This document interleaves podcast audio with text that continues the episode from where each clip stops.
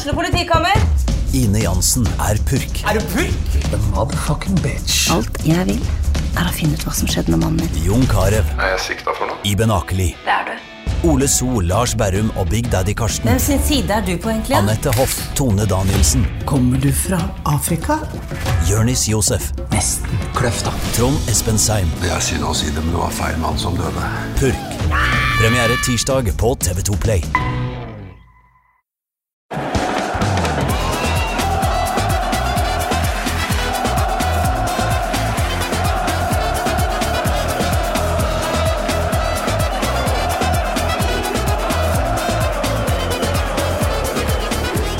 Velkommen til eh, sesong fires nest siste Pyro og Pivo, og den første Pyro og Pivo spilte inn i studio hos moderne media siden før alt gikk til helvete. Ah, det er godt å være tilbake, selv om jeg hadde egentlig glemt hvor sinnssykt varmt det blir her om uh, sommeren. Um, du hadde med deg jakke, du, i tilfelle det var uh, masse ventilasjon her. Uh, Erlend Aasen Gloppestad? Ja, jeg tenkte kanskje at moderne media hadde moderne ventilasjon, men der tok jeg feil. Det er, det er som en badstue her. Ja, det er helt jævlig. Velkommen skal du være, i hvert fall. Vi får prøve å gjøre det beste ut av det. Jeg har brakt kald øl inn i studio som, som plaster på såret. Iskald og fin. Men eh, moderne media ligger altså i et verna bygg, eh, et verna historisk bygg, på, eh, ved Kontraskjæret og ved festninga i, i Oslo. Så her er det nok ikke rom for noe bedre ventilasjon enn det vi opplever her og nå, så vi, vi får se åssen dette går. Men uh, hvordan har du hatt det de siste månedene? Har, det har vært interessant, for um, akkurat når um, de begynte å koronastenge Norge, så gikk jeg ut i pappaperm. Så jeg skulle jo være mye hjemme i utgangspunktet, men det ble jo det ble tett med samboer med heimekontor og en ettåring, og ja, vi på 55 kvadrat. Og denne samboeren med heimekontor hadde vel egentlig gleda seg til å komme ut av leiligheten etter å ha vært hjemme en stund eh, Ja. selv? Jeg tror nok det. Så, det, så ble det til at vi stabla stabla hverandre opp på, på 50 kvadrat, og det eh, Spesielt nå siste tida har det vært varmt og godt. Mm, det tror jeg på. Det er moderne temperatur hos dere også. Ja, det er det. Men eh, du har jo vært med her noen ganger. Um, første gangen så prata vi om russisk fotball. Eh, andre gangen hadde du vært på weekendtur til Nederland Ja. og fortalt i detalj om den. Og så um, var det vel noe sveitsisk eh, fotball en gang også. Det er, det er litt sånn halvsært når du dukker opp. Ja, veldig, veldig gøy eh, egentlig å, å se litt fotball som ikke så veldig mange andre ser i Norge. Uh, og egentlig ikke ser i hele verden. Um, og spesielt Russland er jo, er jo egentlig veldig fan av å se på. Og jeg må jo, jeg må jo innrømme, det her blir veldig sånn her hipster, men eh, jeg syns jo nesten nivå to er morsommere enn nivå én. Pga. alt som eh, FNL medfører. FNL er altså nest øverste ligaen i, i Russland. Det er det. Ja, vi, vi skal vel komme dit i dag også, for, for det skal handle om Russland først og fremst. Men uh, i og med at, altså for eventuelt nye lyttere, da, så, så nevnte jeg nå hva slags ting du har vært her og snakka om eh, tidligere. Men dette med den russiske fotballen og, og sveitsiske fotballen vel også, uh, har det med jobben din å gjøre? Det har jeg. Jeg har um, uh, jobba i noe som heter Gaming Innovation Group, der vi har drevet med sånn kalkulering av, eh, av kamper. Type CSKA mot Dynamo Moskva. Hvor mange prosent sjanse er det for at CSKA vinner? Og, sånn. og da har vi mer eller mindre Vi har blitt blanding av tildelt liga og valgt liga. Og så har jeg jo eh, Pga. at jeg har dekka en eh, titalls liga, så har jeg vært borti mye rart. Mm. Ecuador og, og da, ja, nivå to i Russland og et eh, nivå fire i Skottland og sånn. Litt ymse kvalitet, men veldig, egentlig veldig kjekt. Hvordan er det man går til verks for å dekke nivå to i Ecuador eller nivå fire i Skottland? Ja, det er Det er jo ikke Sky-produksjon på kampene, for å si det sånn. Nei, og i det, i det hele tatt er det jo Sånn som i et land som Skottland, så er det masse som du ikke får sett. Så det blir eh, det blir litt eh, Med sånne ligaer så blir det å se mye på statistikk, Mm. lese lokale medier, selv om de er litt uh, lokale medier er enten uh, veldig glad eller veldig lite glad i laget sitt. Ja. Så Jeg må liksom lese litt mellom linjene der. Da. Men uh, ja, det blir mye sånn statistikk og sånn, og så ender en opp da med ei rangering av laget.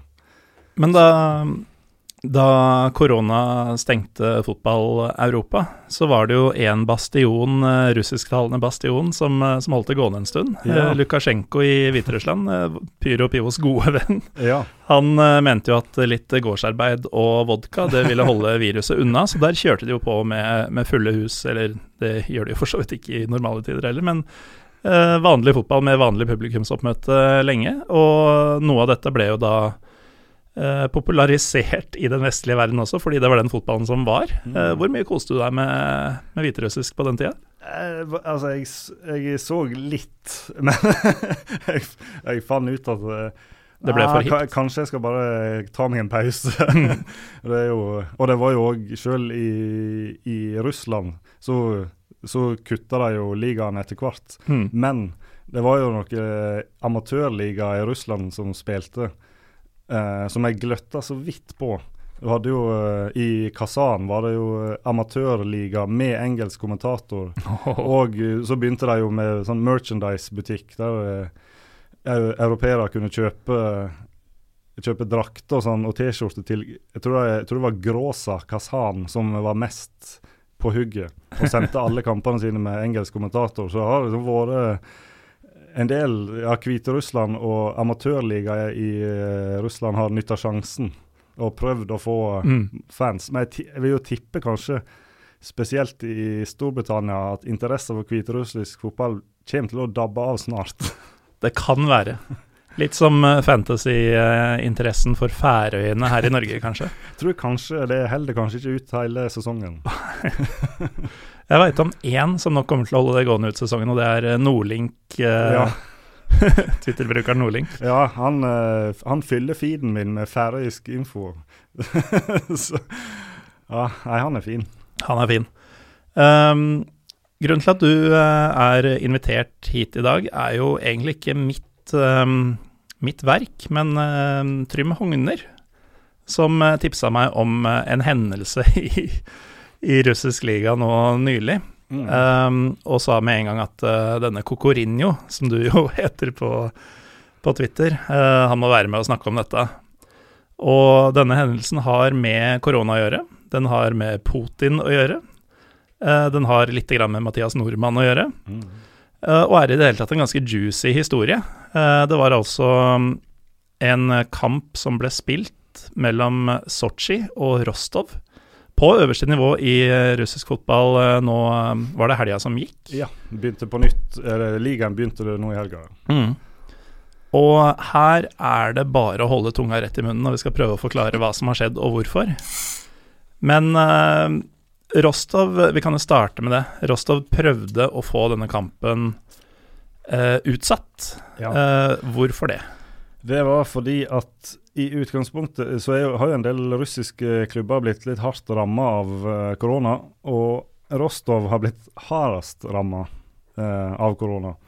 De har hatt seks spillere i Asdalen eh, ute med sykdom, og alt ifra heimekarantene til vært innlagt på sykehus. Deriblant Mathias Nordmann. Som har eh, Ja, nei, han kan vi komme tilbake til etterpå. uh, Ja, for du har funnet ut mer om han. ja, eh, og de Ja, og pga. at det var seks spillere, da, så endte det med at hele Asdalen måtte i karantene. Og det stoppa jo ikke der. Hele juniorstallen måtte òg i karantene. Uh, så de hadde var det 42 mann, det vil si Mm. spillere og trenerapparat, som måtte holde seg hjemme. Og det, det høres ut som grunn god nok til å få kampen utsatt. Ja, 42 mann er jo eh, Jeg ser liksom ikke helt for meg eh, Ja, et lag som Rosenborg skal, må kvitte seg med 42 spillere og spille i Eliteserien. Det hadde ikke gått så bra. Men de, eh, og de ville det. Og egentlig så sa jo ligaen òg, RPL, at de anbefalte at den her kan dere jo få avlyse. Mm. Selv om kam kampprogrammet kommer til å bli litt tett, så er det helt fint å avlyse det her. Men uh, Sotsji derimot, Ja, for her trengs det to for å danse tango. Ja, her trengs det to. Og det, og eh, det som egentlig overrasker meg nå er jo, Jeg skal jo egentlig da være her og forklare hvorfor ting skjedde, men det er jo så Det er så rart at i et land som Russland at ligaen burde jo kunne bestemme at Mm. den her ble avlyst. Men når Sotsji sa nei, så var det et smutthull i reglene som gjorde til at ah, nei, nei, da blir ikke den avlyst, da. Så da måtte Rostov ta turen til eh, badebyen og vintersportsbyen Sotsji med U17-laget sitt. Ja, for her har vi altså A-laget og juniorlaget i karantene. Ehm, 42 spillere ansatte totalt i karantene. Ligaen sier dette burde dere utsette. Eh, Rostov selvfølgelig ønsker å utsette. Sotsji sier nei, dette er deres problem. Vi spiller fordi regelverket sier at det kan vi, vi kan nekte å utsette. Ja. Um, Sotsji, altså det, det ligger jo Putins hjerte nært. Ja, du har jo eh, Det er jo det. Sotsji For et par år siden hette de ikke Sotsji, de hette Dynamo St. Petersburg. Oi, Ja, Så de har eh, flytta skikkelig, de. De har flytta virkelig langt. Fra Finland omtrent til eh, Kaukasus, Ja. hvis man skal ta i litt. Ja, for de er eid av eh, en som heter Boris Rotenberg, som er veldig nær alliert av Putin. Og de liker å samarbeide om ganske mye. Det er jo, eh, Rotenberg har eh, et firma som lager sånne her um, oljeinstallasjoner, eller sånn gassrør Mm. og sånn. uh, og er veldig tett knytta til Gazprom. Som har jo Gazprom òg er jo sånn som har Alltid et godt bare, tegn. Bare nett, et, bare et edderkoppnett over hele Russland. Mm. Eh, og uh, i, i, i tillegg så har jo Uh, han Rotenberg Jeg lurer på om han starta det opp da. Han hadde iallfall et sånt annet eh, bygningsfirma som fikk stort sett alt av eh, kontrakter når Sotsji skulle ha vinter-OL. Så hans sitt firma fikk kontrakt av staten på å bygge alt av vintersportfasiliteter i Sotsji Mm. for eh, Det var vel snakk om kanskje fem, fem milliarder euro eller noe sånt. Eh, og med litt skittent spill eh, for å få det, i og med at han kjenner Mm. presidenten. Um, ja, så ja, Putin liker Sotsji, og han liker eieren til klubben Mm. Sotsji. Som, og det, ja, det var jo det da, med at de, var, de flytta dit pga. at Sotsji har aldri egentlig hatt et fotballag. Og Dynamo St. Petersburg, selv om de var byens eldste klubb, så hadde de egentlig ikke fans. Nei. Så han ville flytte det til en plass der han kunne få større fanbase. Mm. Så FC Sotsji høres kanskje ut som en eh, småklubb, og mm, historisk sett er det en tulleklubb, men de er kanskje litt sånn uforholdsmessig mektige, da, med Ja. tanke på både Rosenberg og, og vennene hans. Ja, det, det er de jo. Og øh, de Men selv om de er uforholdsmessig mektige, så går det jo ikke så bra i år. De ligger, de ligger nede i sumpa og kan rykke ned. Og Derfor var jo en sånn kamp som det her egentlig gull verdt. Mm. Hvis du bare ikke bryr deg med all kritikken som kommer til å hagle, så ville de bare møte opp, og så var det tre gratis poeng. Ja, ikke sant. Og det, det skulle det bli. Det var en kamp som eh, Sotsji i hvert fall sportslig eh, tjente bra på, for her har vi altså i praksis U17-laget til, eh, til Rostov som tar turen. Og mm, på dette laget så var eldstemann eh, 19, og ikke den, men de yngste var 16 år gamle. eh, Og fikk vite hele gjengen et par dager før at dere drar til Sotsji for å spille Premier League-kamp. Um, Og uten, ja, uten A-laget sitt trenerapparat òg, så det var U17-laget sine trenere. Ja, og ikke hadde de trent eh, heller, vel, noe særlig? Nei, det er jo det òg som er attpåtil. Oppå det hele så er det jo et utrent U17-lag som har vært lenge i vinterdvale. Så skal de rett inn og spille Premier League. Mm. Nei, det, er, det er jo helt ellevilt. Men uh, det er jo enda sjukere når kampen kommer i gang, for da hva, hva er det som skjer uh, umiddelbart? Nei, da går det 40-50 sekunder, og så er Roman Romanov på pletten, og så tar Rostov ledelsen 1-0. Altså U17-laget til Rostov tar ledelsen i åpningsminuttet, Ja. borte mot uh, de voksne mennene til Sotsji. Mhm. Det, det holdt helt inn, eller? Ja, det begynte å rakne ganske kjapt. Eh, det endte jo eh, med ti baklengs. Ja. Og det kunne gått veldig mye verre, fordi han eh, 17-åringen som sto i mål, han satte rett og slett eh, russisk Premier League-rekord i antall redninger. ja. Han hadde, han hadde 15 kvalifiserte redninger, og jeg har sett, sett alle på YouTube, og noen av dem er helt fantastiske. og enkelte er sånn at han, de er egentlig fantastiske, men han blir òg mest sannsynlig bare truffet Mm. i foten for det går så fort. Ja. Forsvaret henger jo ikke med i det hele tatt. Og du ser jo på Sotsji sitt angrep at det er jo brassespark og volley, og sånn, for det er så, det er så åpent. Mm. Men han varta opp med de mest sinnssyke redningene. Og en av dem var vel en straffe, til og med, i første omgang. Det gjorde han. Han redda ei straffe òg, så det var jo Det så jo en stund ut til at uh, jøss, kan, altså er det mulig at de kan henge med her litt? Men de ble jo bare mer og mer slitne og Ja. Det må ha sett ut som en trenings... eh, altså ikke treningskamp, men treningsøvelse, nesten. Ja, bare elleve mann som er på etterskudd hele tida. Mot et lag som er veldig mye raskere. Så var jo, De trilla jo bare ball og gikk i angrep etter angrep. Så de hadde vel eh, Ja, jeg, jeg, las eh, i etterkant òg at en den kunne endt 25-1. Men uh, For det var veldig mange store sjanser. Og treverket, og det var for, veldig kort hold rett over mål, og det var Ja. Ja, det, det er faktisk helt, eh, helt insane. Men det er, jo, det er jo Rostov som kommer ifra den kampen her med æra i behold, egentlig. Det er jo de, alle, alle hyller dem jo. Ja, men det er, vel, det er vel det de sitter igjen med. For eh, var ikke de mer eller mindre med i gullkampen også? For, Ja, ja. I hvert fall medaljekamp. Ja, i alle fall Champions League. De ligger på, eller låg før den kampen her, på fjerde. Og topp tre for Champions League. Så det var jo en sånn kamp som og Borte mot Sotsji, det kan de fint ta. Mm. Så det er jo en uh, mulighet for tre viktige poeng. Og Altså, og, med, med tre mann ute i stedet for 42, så har man en god sjanse. Ja, ja det, for de er jo i, på papiret et mye bedre lag enn Sotsji. Mm. Så det kunne gått. Men i stedet for ender de opp med en helt vanvittig dårlig målforskjell. Ja, for det, det er ni mål i minus eh, i løpet av én bortekamp mot et båndlag.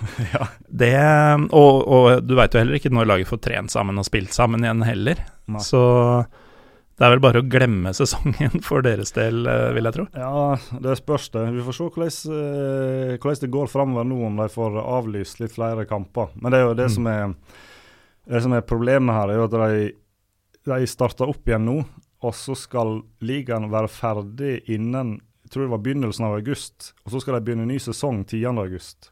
Ja. Så de har en, bare en ti dagers pause der.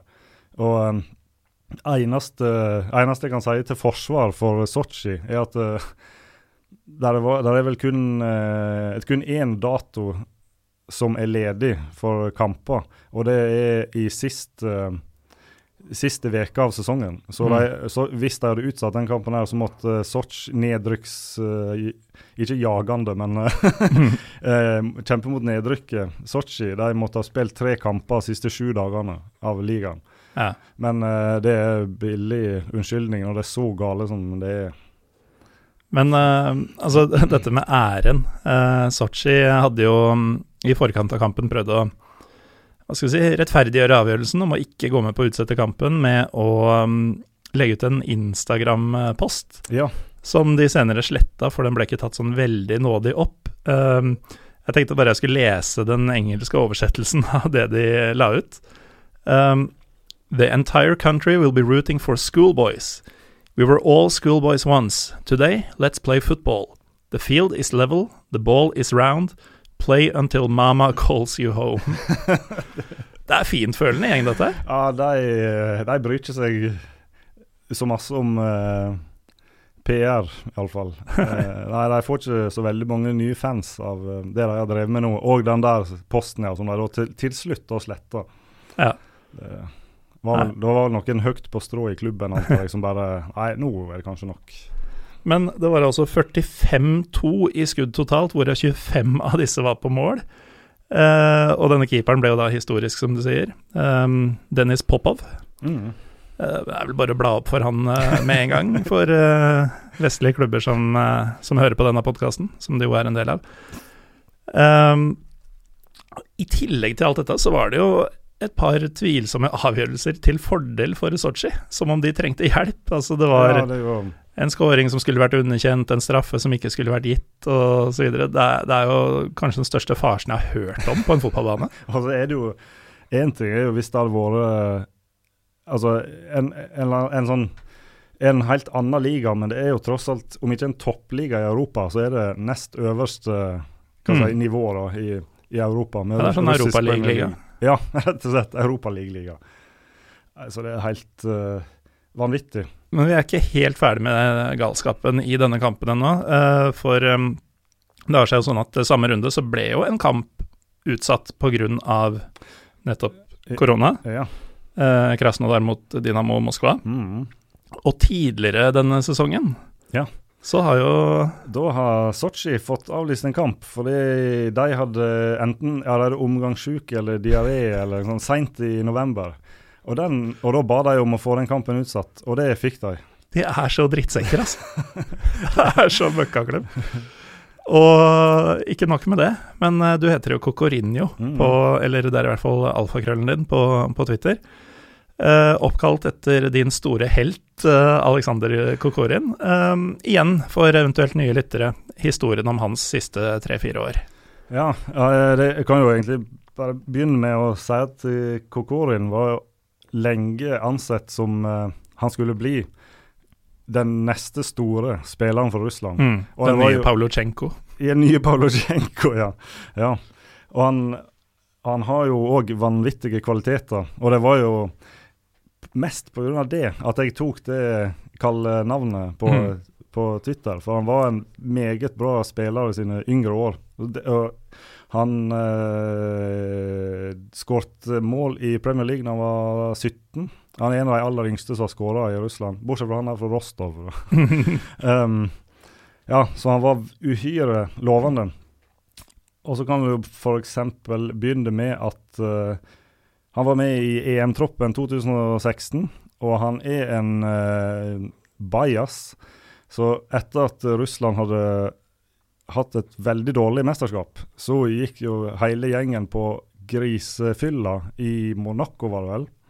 Og det ble jo stor ståhei om. eh, men det passa veldig godt imaget hans, fordi at han uh, seinere så fikk han bl.a. ett og et halvt år i fengsel i lag med Mamaev på Krasnodar, fordi de hadde først eh, vært med og eh, pl plaga eller slåss med en TV-reporter ute på byen, som endte med at eh, at denne reporteren her ble jo innlagt på sykehus med diverse, altså brekt nese, eh, skade på hodet og diverse annet. Og så gikk det vel ei lita stund, og så gikk de løs på en som da, dessverre for dem, eh, var ansatt i staten.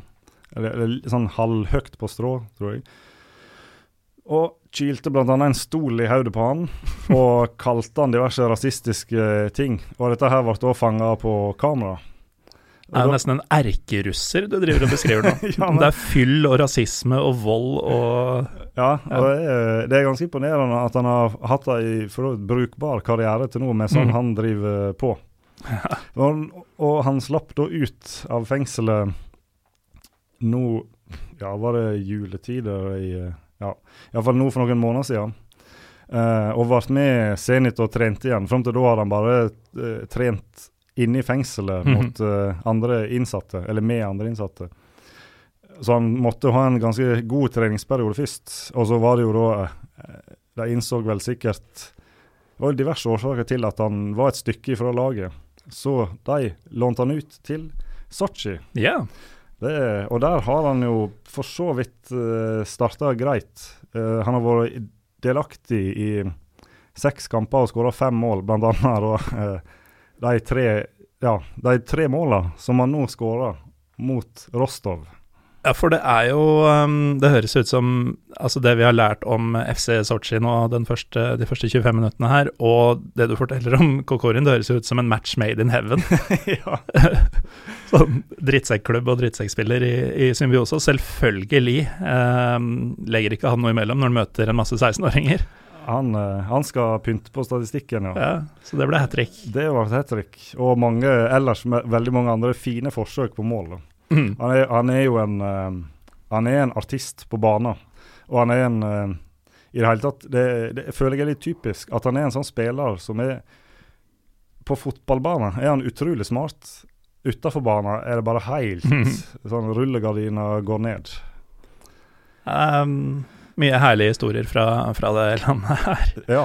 Og vi uh, Dette blir jo på en måte Dette var jo det vi virkelig har kost oss med. Um, vi skal ta en liten runde på andre ting som skjer i Russland også, men først må vi uh, tilbake til Rostov.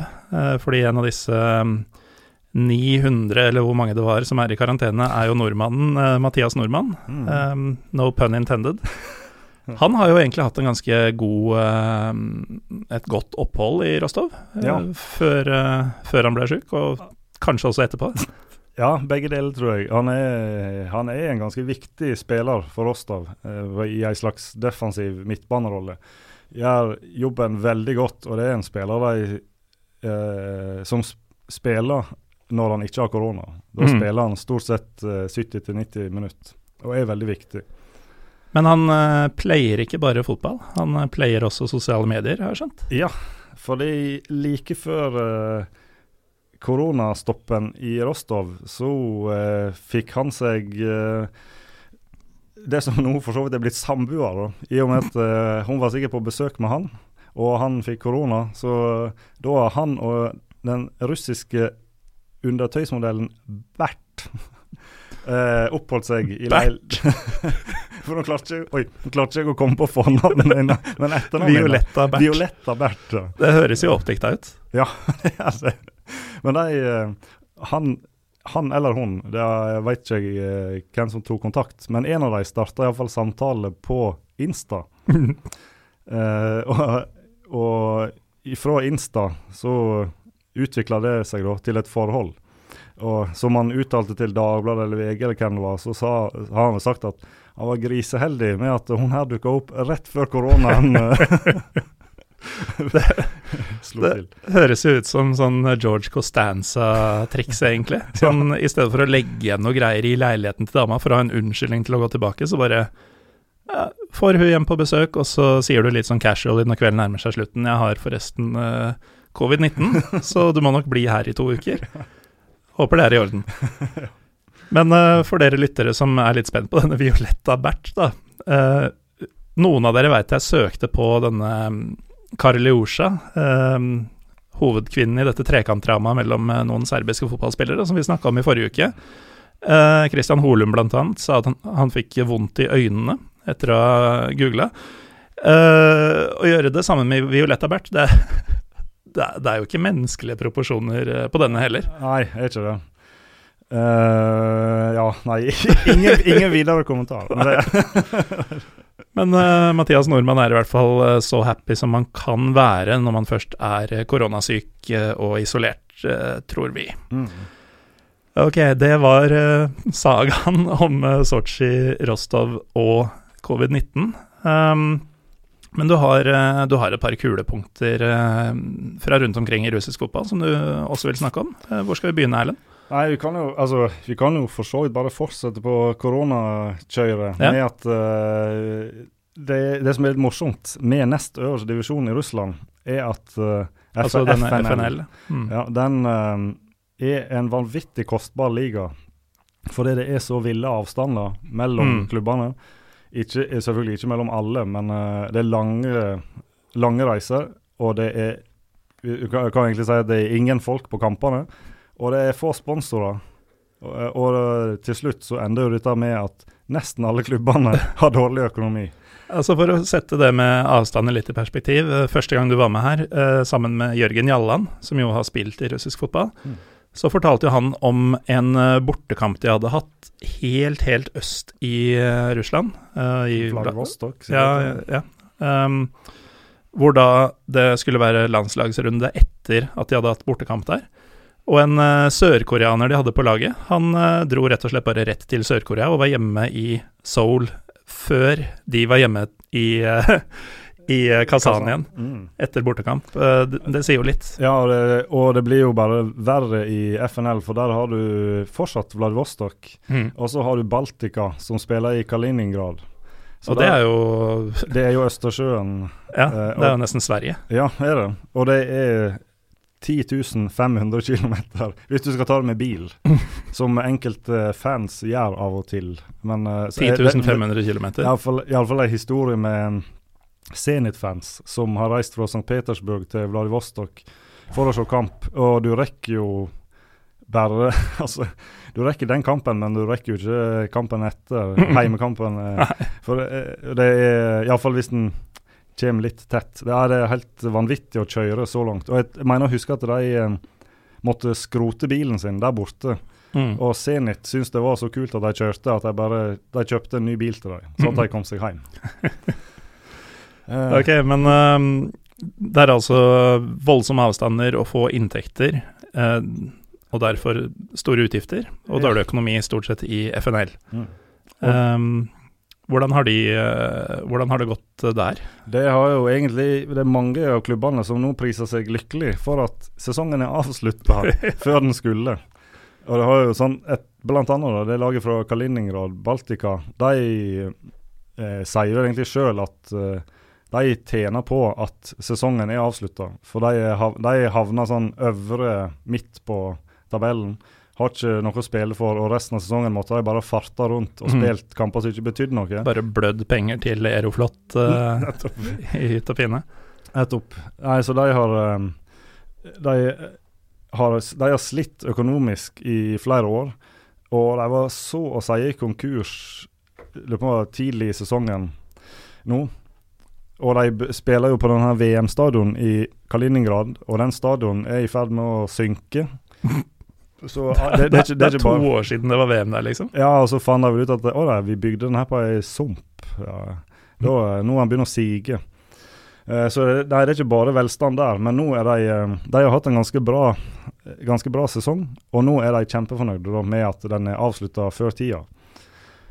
Der er uh, andre lag som ikke er like fornøyd med at den er avslutta, fordi at eh, de klubbene skulle eh, stemme på om de ville fortsette sesongen, og om de trodde at den kom til å bli ferdig innen den og den datoen.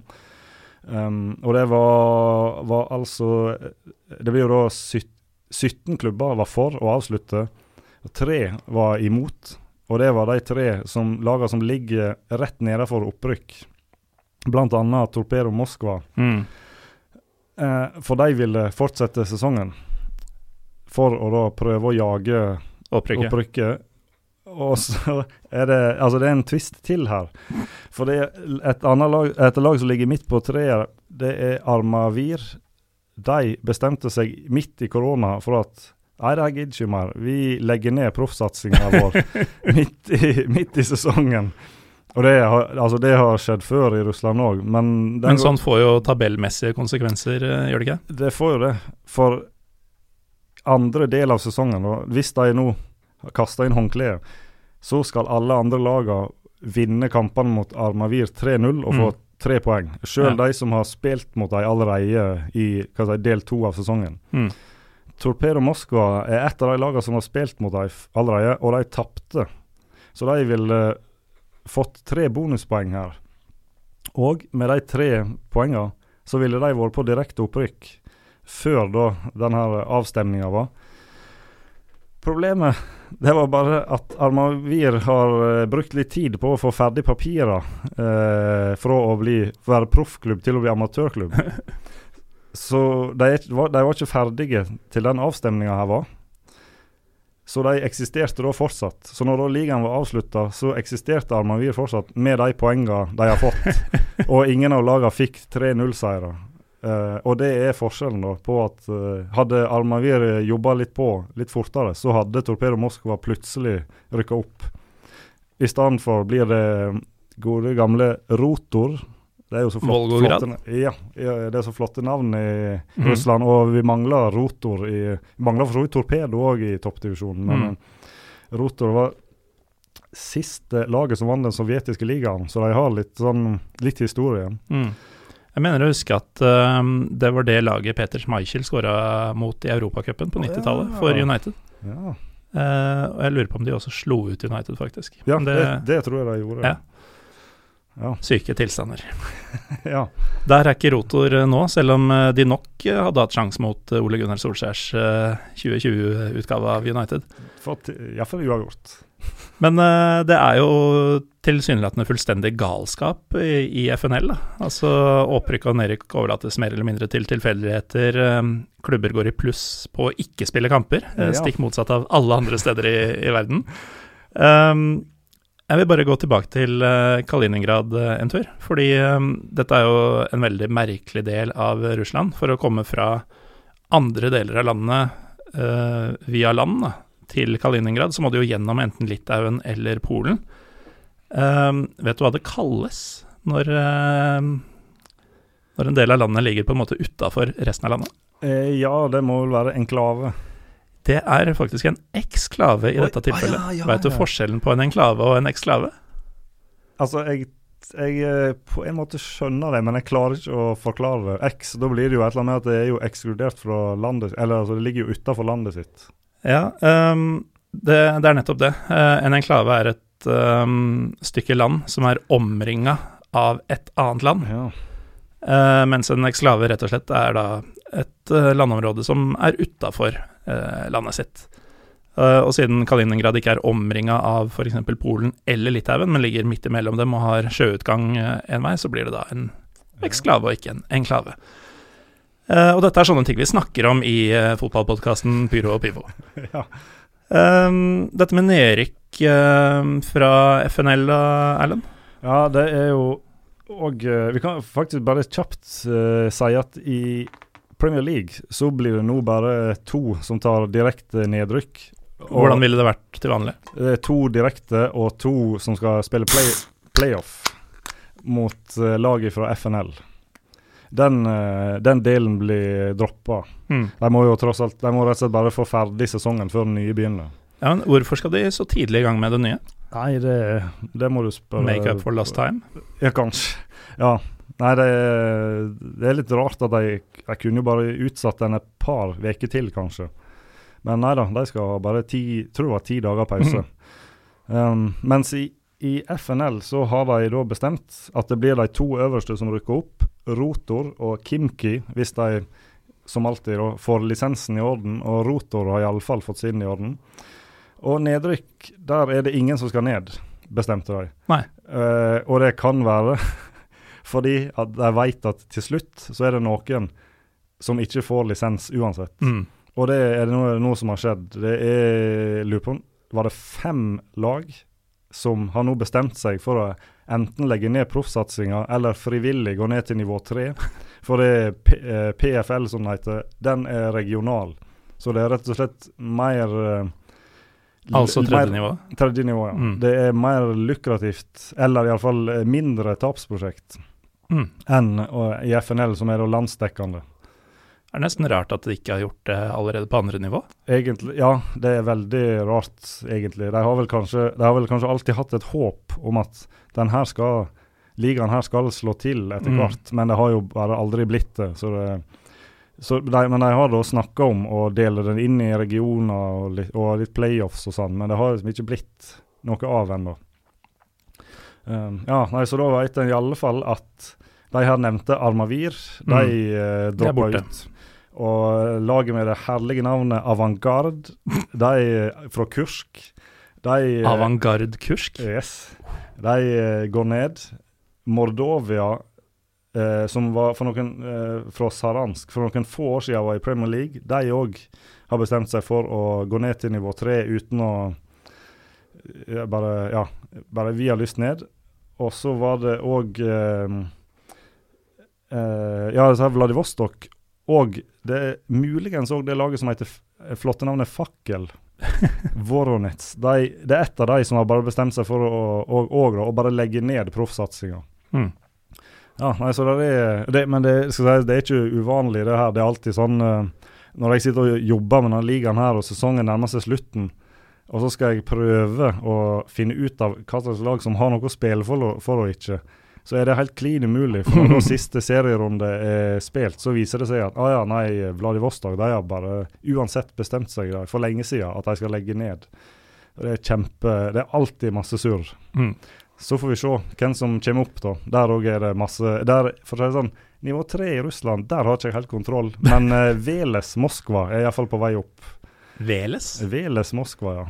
Det, med en, uh, de òg har en litt sånn rik fyr som eh, nå skal sende et lag oppover ligasystemet. Dem har jeg aldri hørt om før. Jeg har hørt om Velers Mostar og Veles Sarsfield, Ja, men ikke de, uten de, sammenligning, tror jeg. Ja, jeg tror ikke Veles Moskva har like mange fans som Veles Sarsfield. Det tror ikke jeg. Nei, ikke ennå i hvert fall.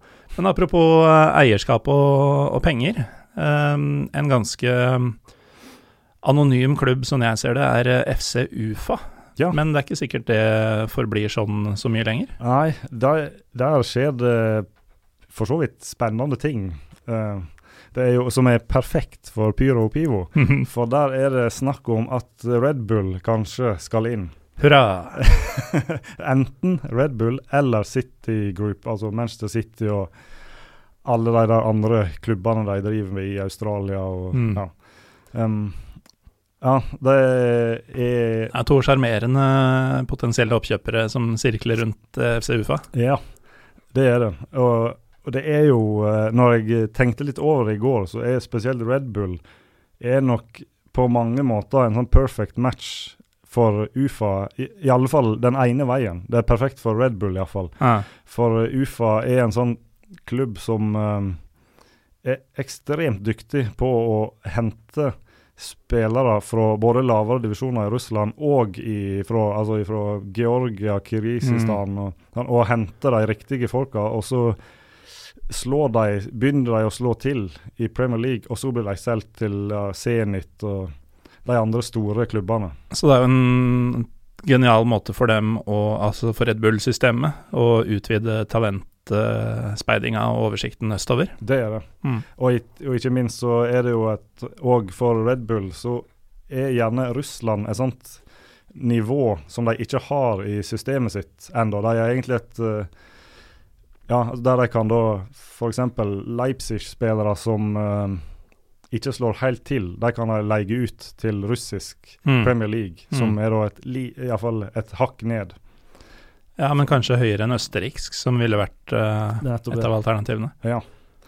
Um, så sånn sett er det, er det en god match. Uh, men jeg, um, problemet her er jo at uh, UFA er, som en, del, en god del andre lag i Premier League, er eid av uh, ja, enten staten eller kommunen eller uh, Myndighetene. myndighetene, ja, får vi si. Og det er ikke sikkert de har De har iallfall uttalt at de har lyst til å beholde majoritetseierskap. For de har ikke lyst til å slippe det de driver med nå. fordi de driver òg og bygger veldig opp barnefotball og sånn. Mm. Som både for å få fram talent, men òg som sånn sosialt. Men der er jo, um, så vidt jeg har skjønt, uh, City Group kanskje en god um, samarbeidspartner, da. Fordi uh, historiene fra i hvert fall Manchester er jo at um, de har sprøyta inn penger i klubben Manchester City, men de har også sprøyta inn mye penger i gentrifisering av uh, litt sjuskete strøk i byen, og, um, og treningsanlegg for de unge og, og sånne ting som det. Ja, Så, så kanskje. ja det ja. Men hvordan er uh, Holder folk med UFA, eller? Er det noen der som kan bli uh, snurt hvis uh, dette skulle skje? Ja, du tenker på fans, ja. Ja. altså, de har jo egentlig har jo har laget vært ganske bra i de siste. Siste par åra var i Europa i år. Røyk vel for Rangers, tror jeg. Mm. Uh, men de har fortsatt ei sånn uh, Bare en sånn fanbase på uh, Ja, vi skal tippe 8000-10 000 på kampene sine. Så Mm. selv om stadion deres er vel en sånn 15, så er den sjelden full. Ja. Så det er ikke Men ja, også i tillegg er klubben egentlig òg ganske ung, så sånn sett, om Red Bull eller City Group skulle ta over, så er ikke det sånn at de ødelegger 100 års historie. De ble, de ble stifta på 2000-tallet av myndighetene, da. For de, de, ville, de ville ha en eh, si, fotball, en litt stor eller maktfaktor i fotballen i byen. Mm. Og det har de jo fått til, da. Blir, blir spennende å se. Um, ellers så ser jeg at det er litt uh, trenernyheter. Uh, legendariske Jori Semin uh, er ikke lenger trener i Lokomotiv. Nei, han, han fikk fire forsøk. Eller han har vært trener i Lokomotiv fire ganger og hatt, har vel egentlig hatt suksess alle gangene òg. Har jo vunnet ligaen med nåværende Altså i den nåværende perioden òg. Men han de, et, Det var egentlig et sjokk for mange at han ikke han fikk rett og slett ikke fornya kontrakta med den gikk, som gikk ut 31. mai. Det er vel et tegn på at de tenker eh, noe veldig nytt her. Ja, da skal de plutselig ned på en 40 år gammel serber. Eh, hva han heter Nikolic fra det som nå heter Jeg vet, ikke, jeg vet egentlig ikke hvordan det uttales. Fehervar i Ungarn, og Altså, tidligere Videotorn. Den klubben her. Ja, og så var de, de het bare Vidi i en periode. Og, det. og alt dette har vært i løpet av tida vi har drevet med Pyro og Pivo, føler jeg. Ja, det, altså De bytter navn hvert år. Hver sesong, ja. ja. Så han er Jævla rør. han er kommet inn Mm? Jævla rød. ja. ja, han er jo da kommet inn. Og så er det, har det nå i en måneds tid iallfall vært veldig mye snakk om at de skal få inn ei Barca Vi må jo si Barca-legende. Ja, det er lov å si. Bakero som sportsdirektør, eller muligens direktør for alt. Men han er, han er nå i, er i Barcelona-systemet og har kontrollen på de yngre lagene der. Og Lokomotiv eh, ser ut til å hente han for å rett og slett bare bygge klubben opp på nytt. Selv om de er kjent for å ha god ungdomsavdeling, så vil Mm. de gjøre et eller annet helt nytt nå. da. Men uh, hva slags uh, holdt på å si, krefter er det Lokomotiv eh, har? For det, mm, de, det var vel andre tider da det var det nasjonale sovjetiske jernbaneverket som, som eide klubben. Eh, De eier de fortsatt, ja, tror jeg. Eh, jeg er ganske sikker på at de står som eier fortsatt. det er digg. Og det, ja, det, og Det er veldig, veldig og mot veldig strømmen. russisk.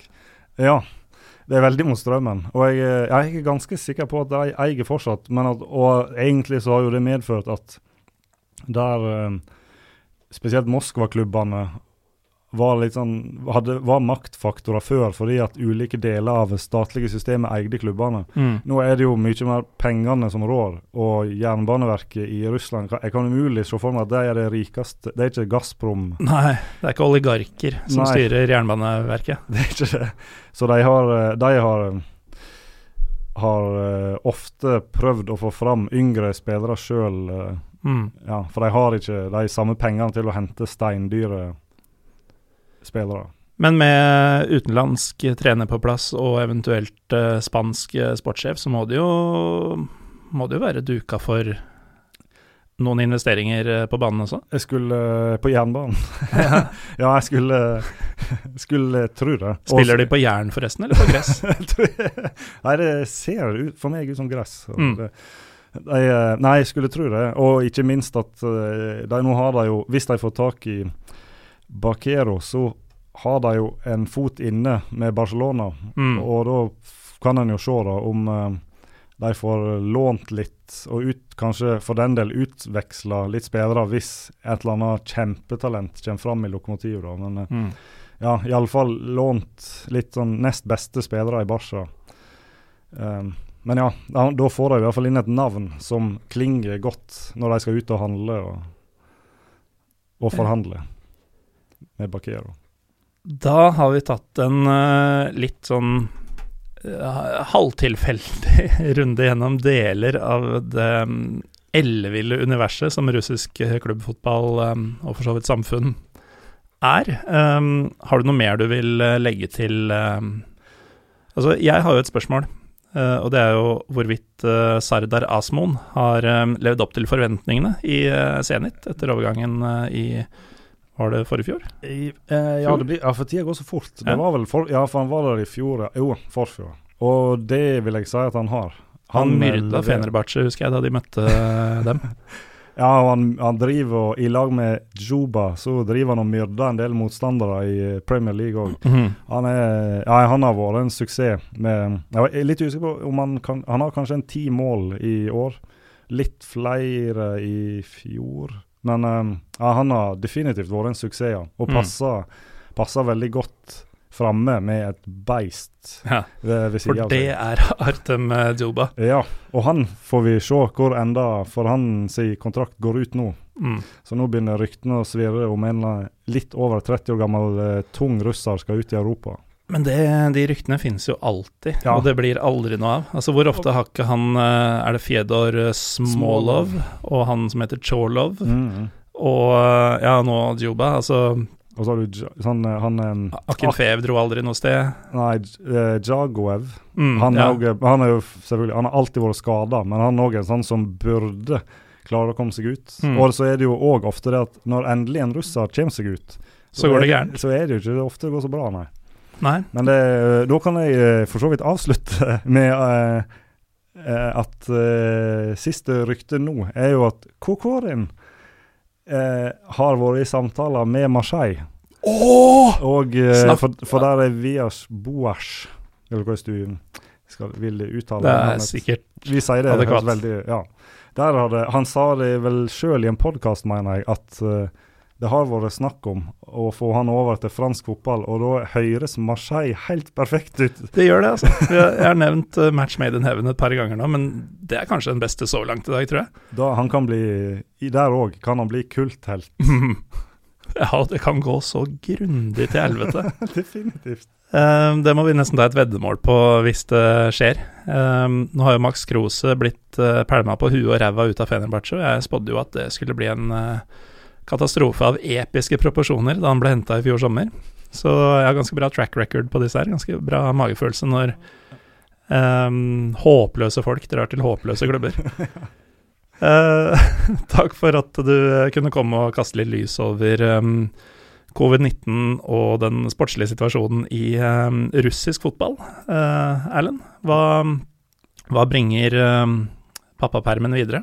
Ja, nå er den uh, straks ferdig, så det blir eh, Da er det rett over i ferien, og da blir det norgesferie som for de fleste andre. Vi gidder ikke å reise til Danmark i år, eller Finland.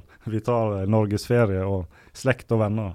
Ja, for den årvåkne lytter eh, kan kanskje tenke seg til at du har jo et par steder du, som det ville vært naturlig å dra du, når du først skal på norgesferie. Ja, tenker du på Vestlandet? Ja, for eksempel. ja, ja, ja, og det blir det. Det blir vestlandsturné med meg fra eh, Nordfjord og samboer fra Haugesund. Så kommer Ja. vi til å holde oss i, eh, i vinden på Vestlandet. Mm. Dere får ta en tur innom eh, Runar Norvik når dere er i Haugesund, så får du kanskje et glass rakia og, og noen gode skrøner fra, fra nattelivet i Moss der. Ja, Wink, wink. Ting som ikke kunne komme på lufta da han var, var med forrige uke. Uh, igjen, takk for at du var med. Og veldig kjekt. Til dere som hører på, takk for at dere gjør det. Eh, jeg heter Morten Galaasen. Vi tenker i utgangspunktet at det kommer én episode til før vi runder av sesongen. Hva den skal handle om, det aner jeg ikke, men eh, vi skal prøve å få det til å skje. I mellomtida så er det veldig fint om dere følger Pyro Pivopod på Twitter og Instagram. Takk for nå, og svett godt.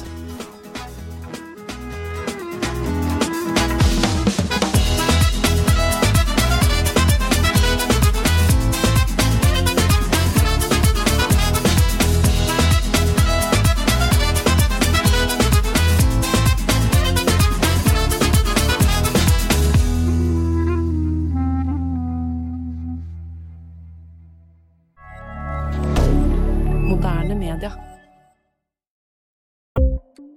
Ukens annonsør er HelloFresh. HelloFresh er verdens ledende matkasseleverandør og kan være redningen i en travel hverdag. Mange av oss har nok vandret i butikken både sultne og uten en plan for middagen, som ender med at vi går for de samme kjedelige rettene gang på gang. Middag burde være dagens høydepunkt. Som HelloFresh kan du nå velge mellom 25 ulike retter hver eneste uke, eller få HelloFresh til å sette sammen menyen for deg. Dette gir deg muligheten til å prøve nye og spennende retter alene eller sammen med familien. Du velger antall porsjoner og får alt levert på døren på et tidspunkt som passer for deg. Oppskriftene er enkle, og maten er lett å lage både for store og for små. Ved å få alt levert hjem får du også mer tid til å dele matgleden med familie og venner. Kanskje det frister med asiatiske tacos eller greskinspirert kylling? Da kan jeg anbefale deg om å gå inn på hellofresh.no. Her kan du bruke koden FOTBALL og få opptil 1779 kroner i rabatt på de første fem matkastene hvis du ikke har prøvd Hello Fresh tidligere. Du kan også bruke rabatten hvis du har vært kunde og stoppet abonnementet ditt for tolv måneder siden eller lengre. Gå inn på hellofresh.no og bruk koden FOTBALL. Har du et enkeltpersonforetak eller en liten bedrift? Da er du sikkert lei av å høre meg snakke om hvor enkelt det er med kvitteringer og bilag i fiken, så vi eh, gir oss her, vi. Fordi vi liker enkelt. Fiken superenkelt regnskap.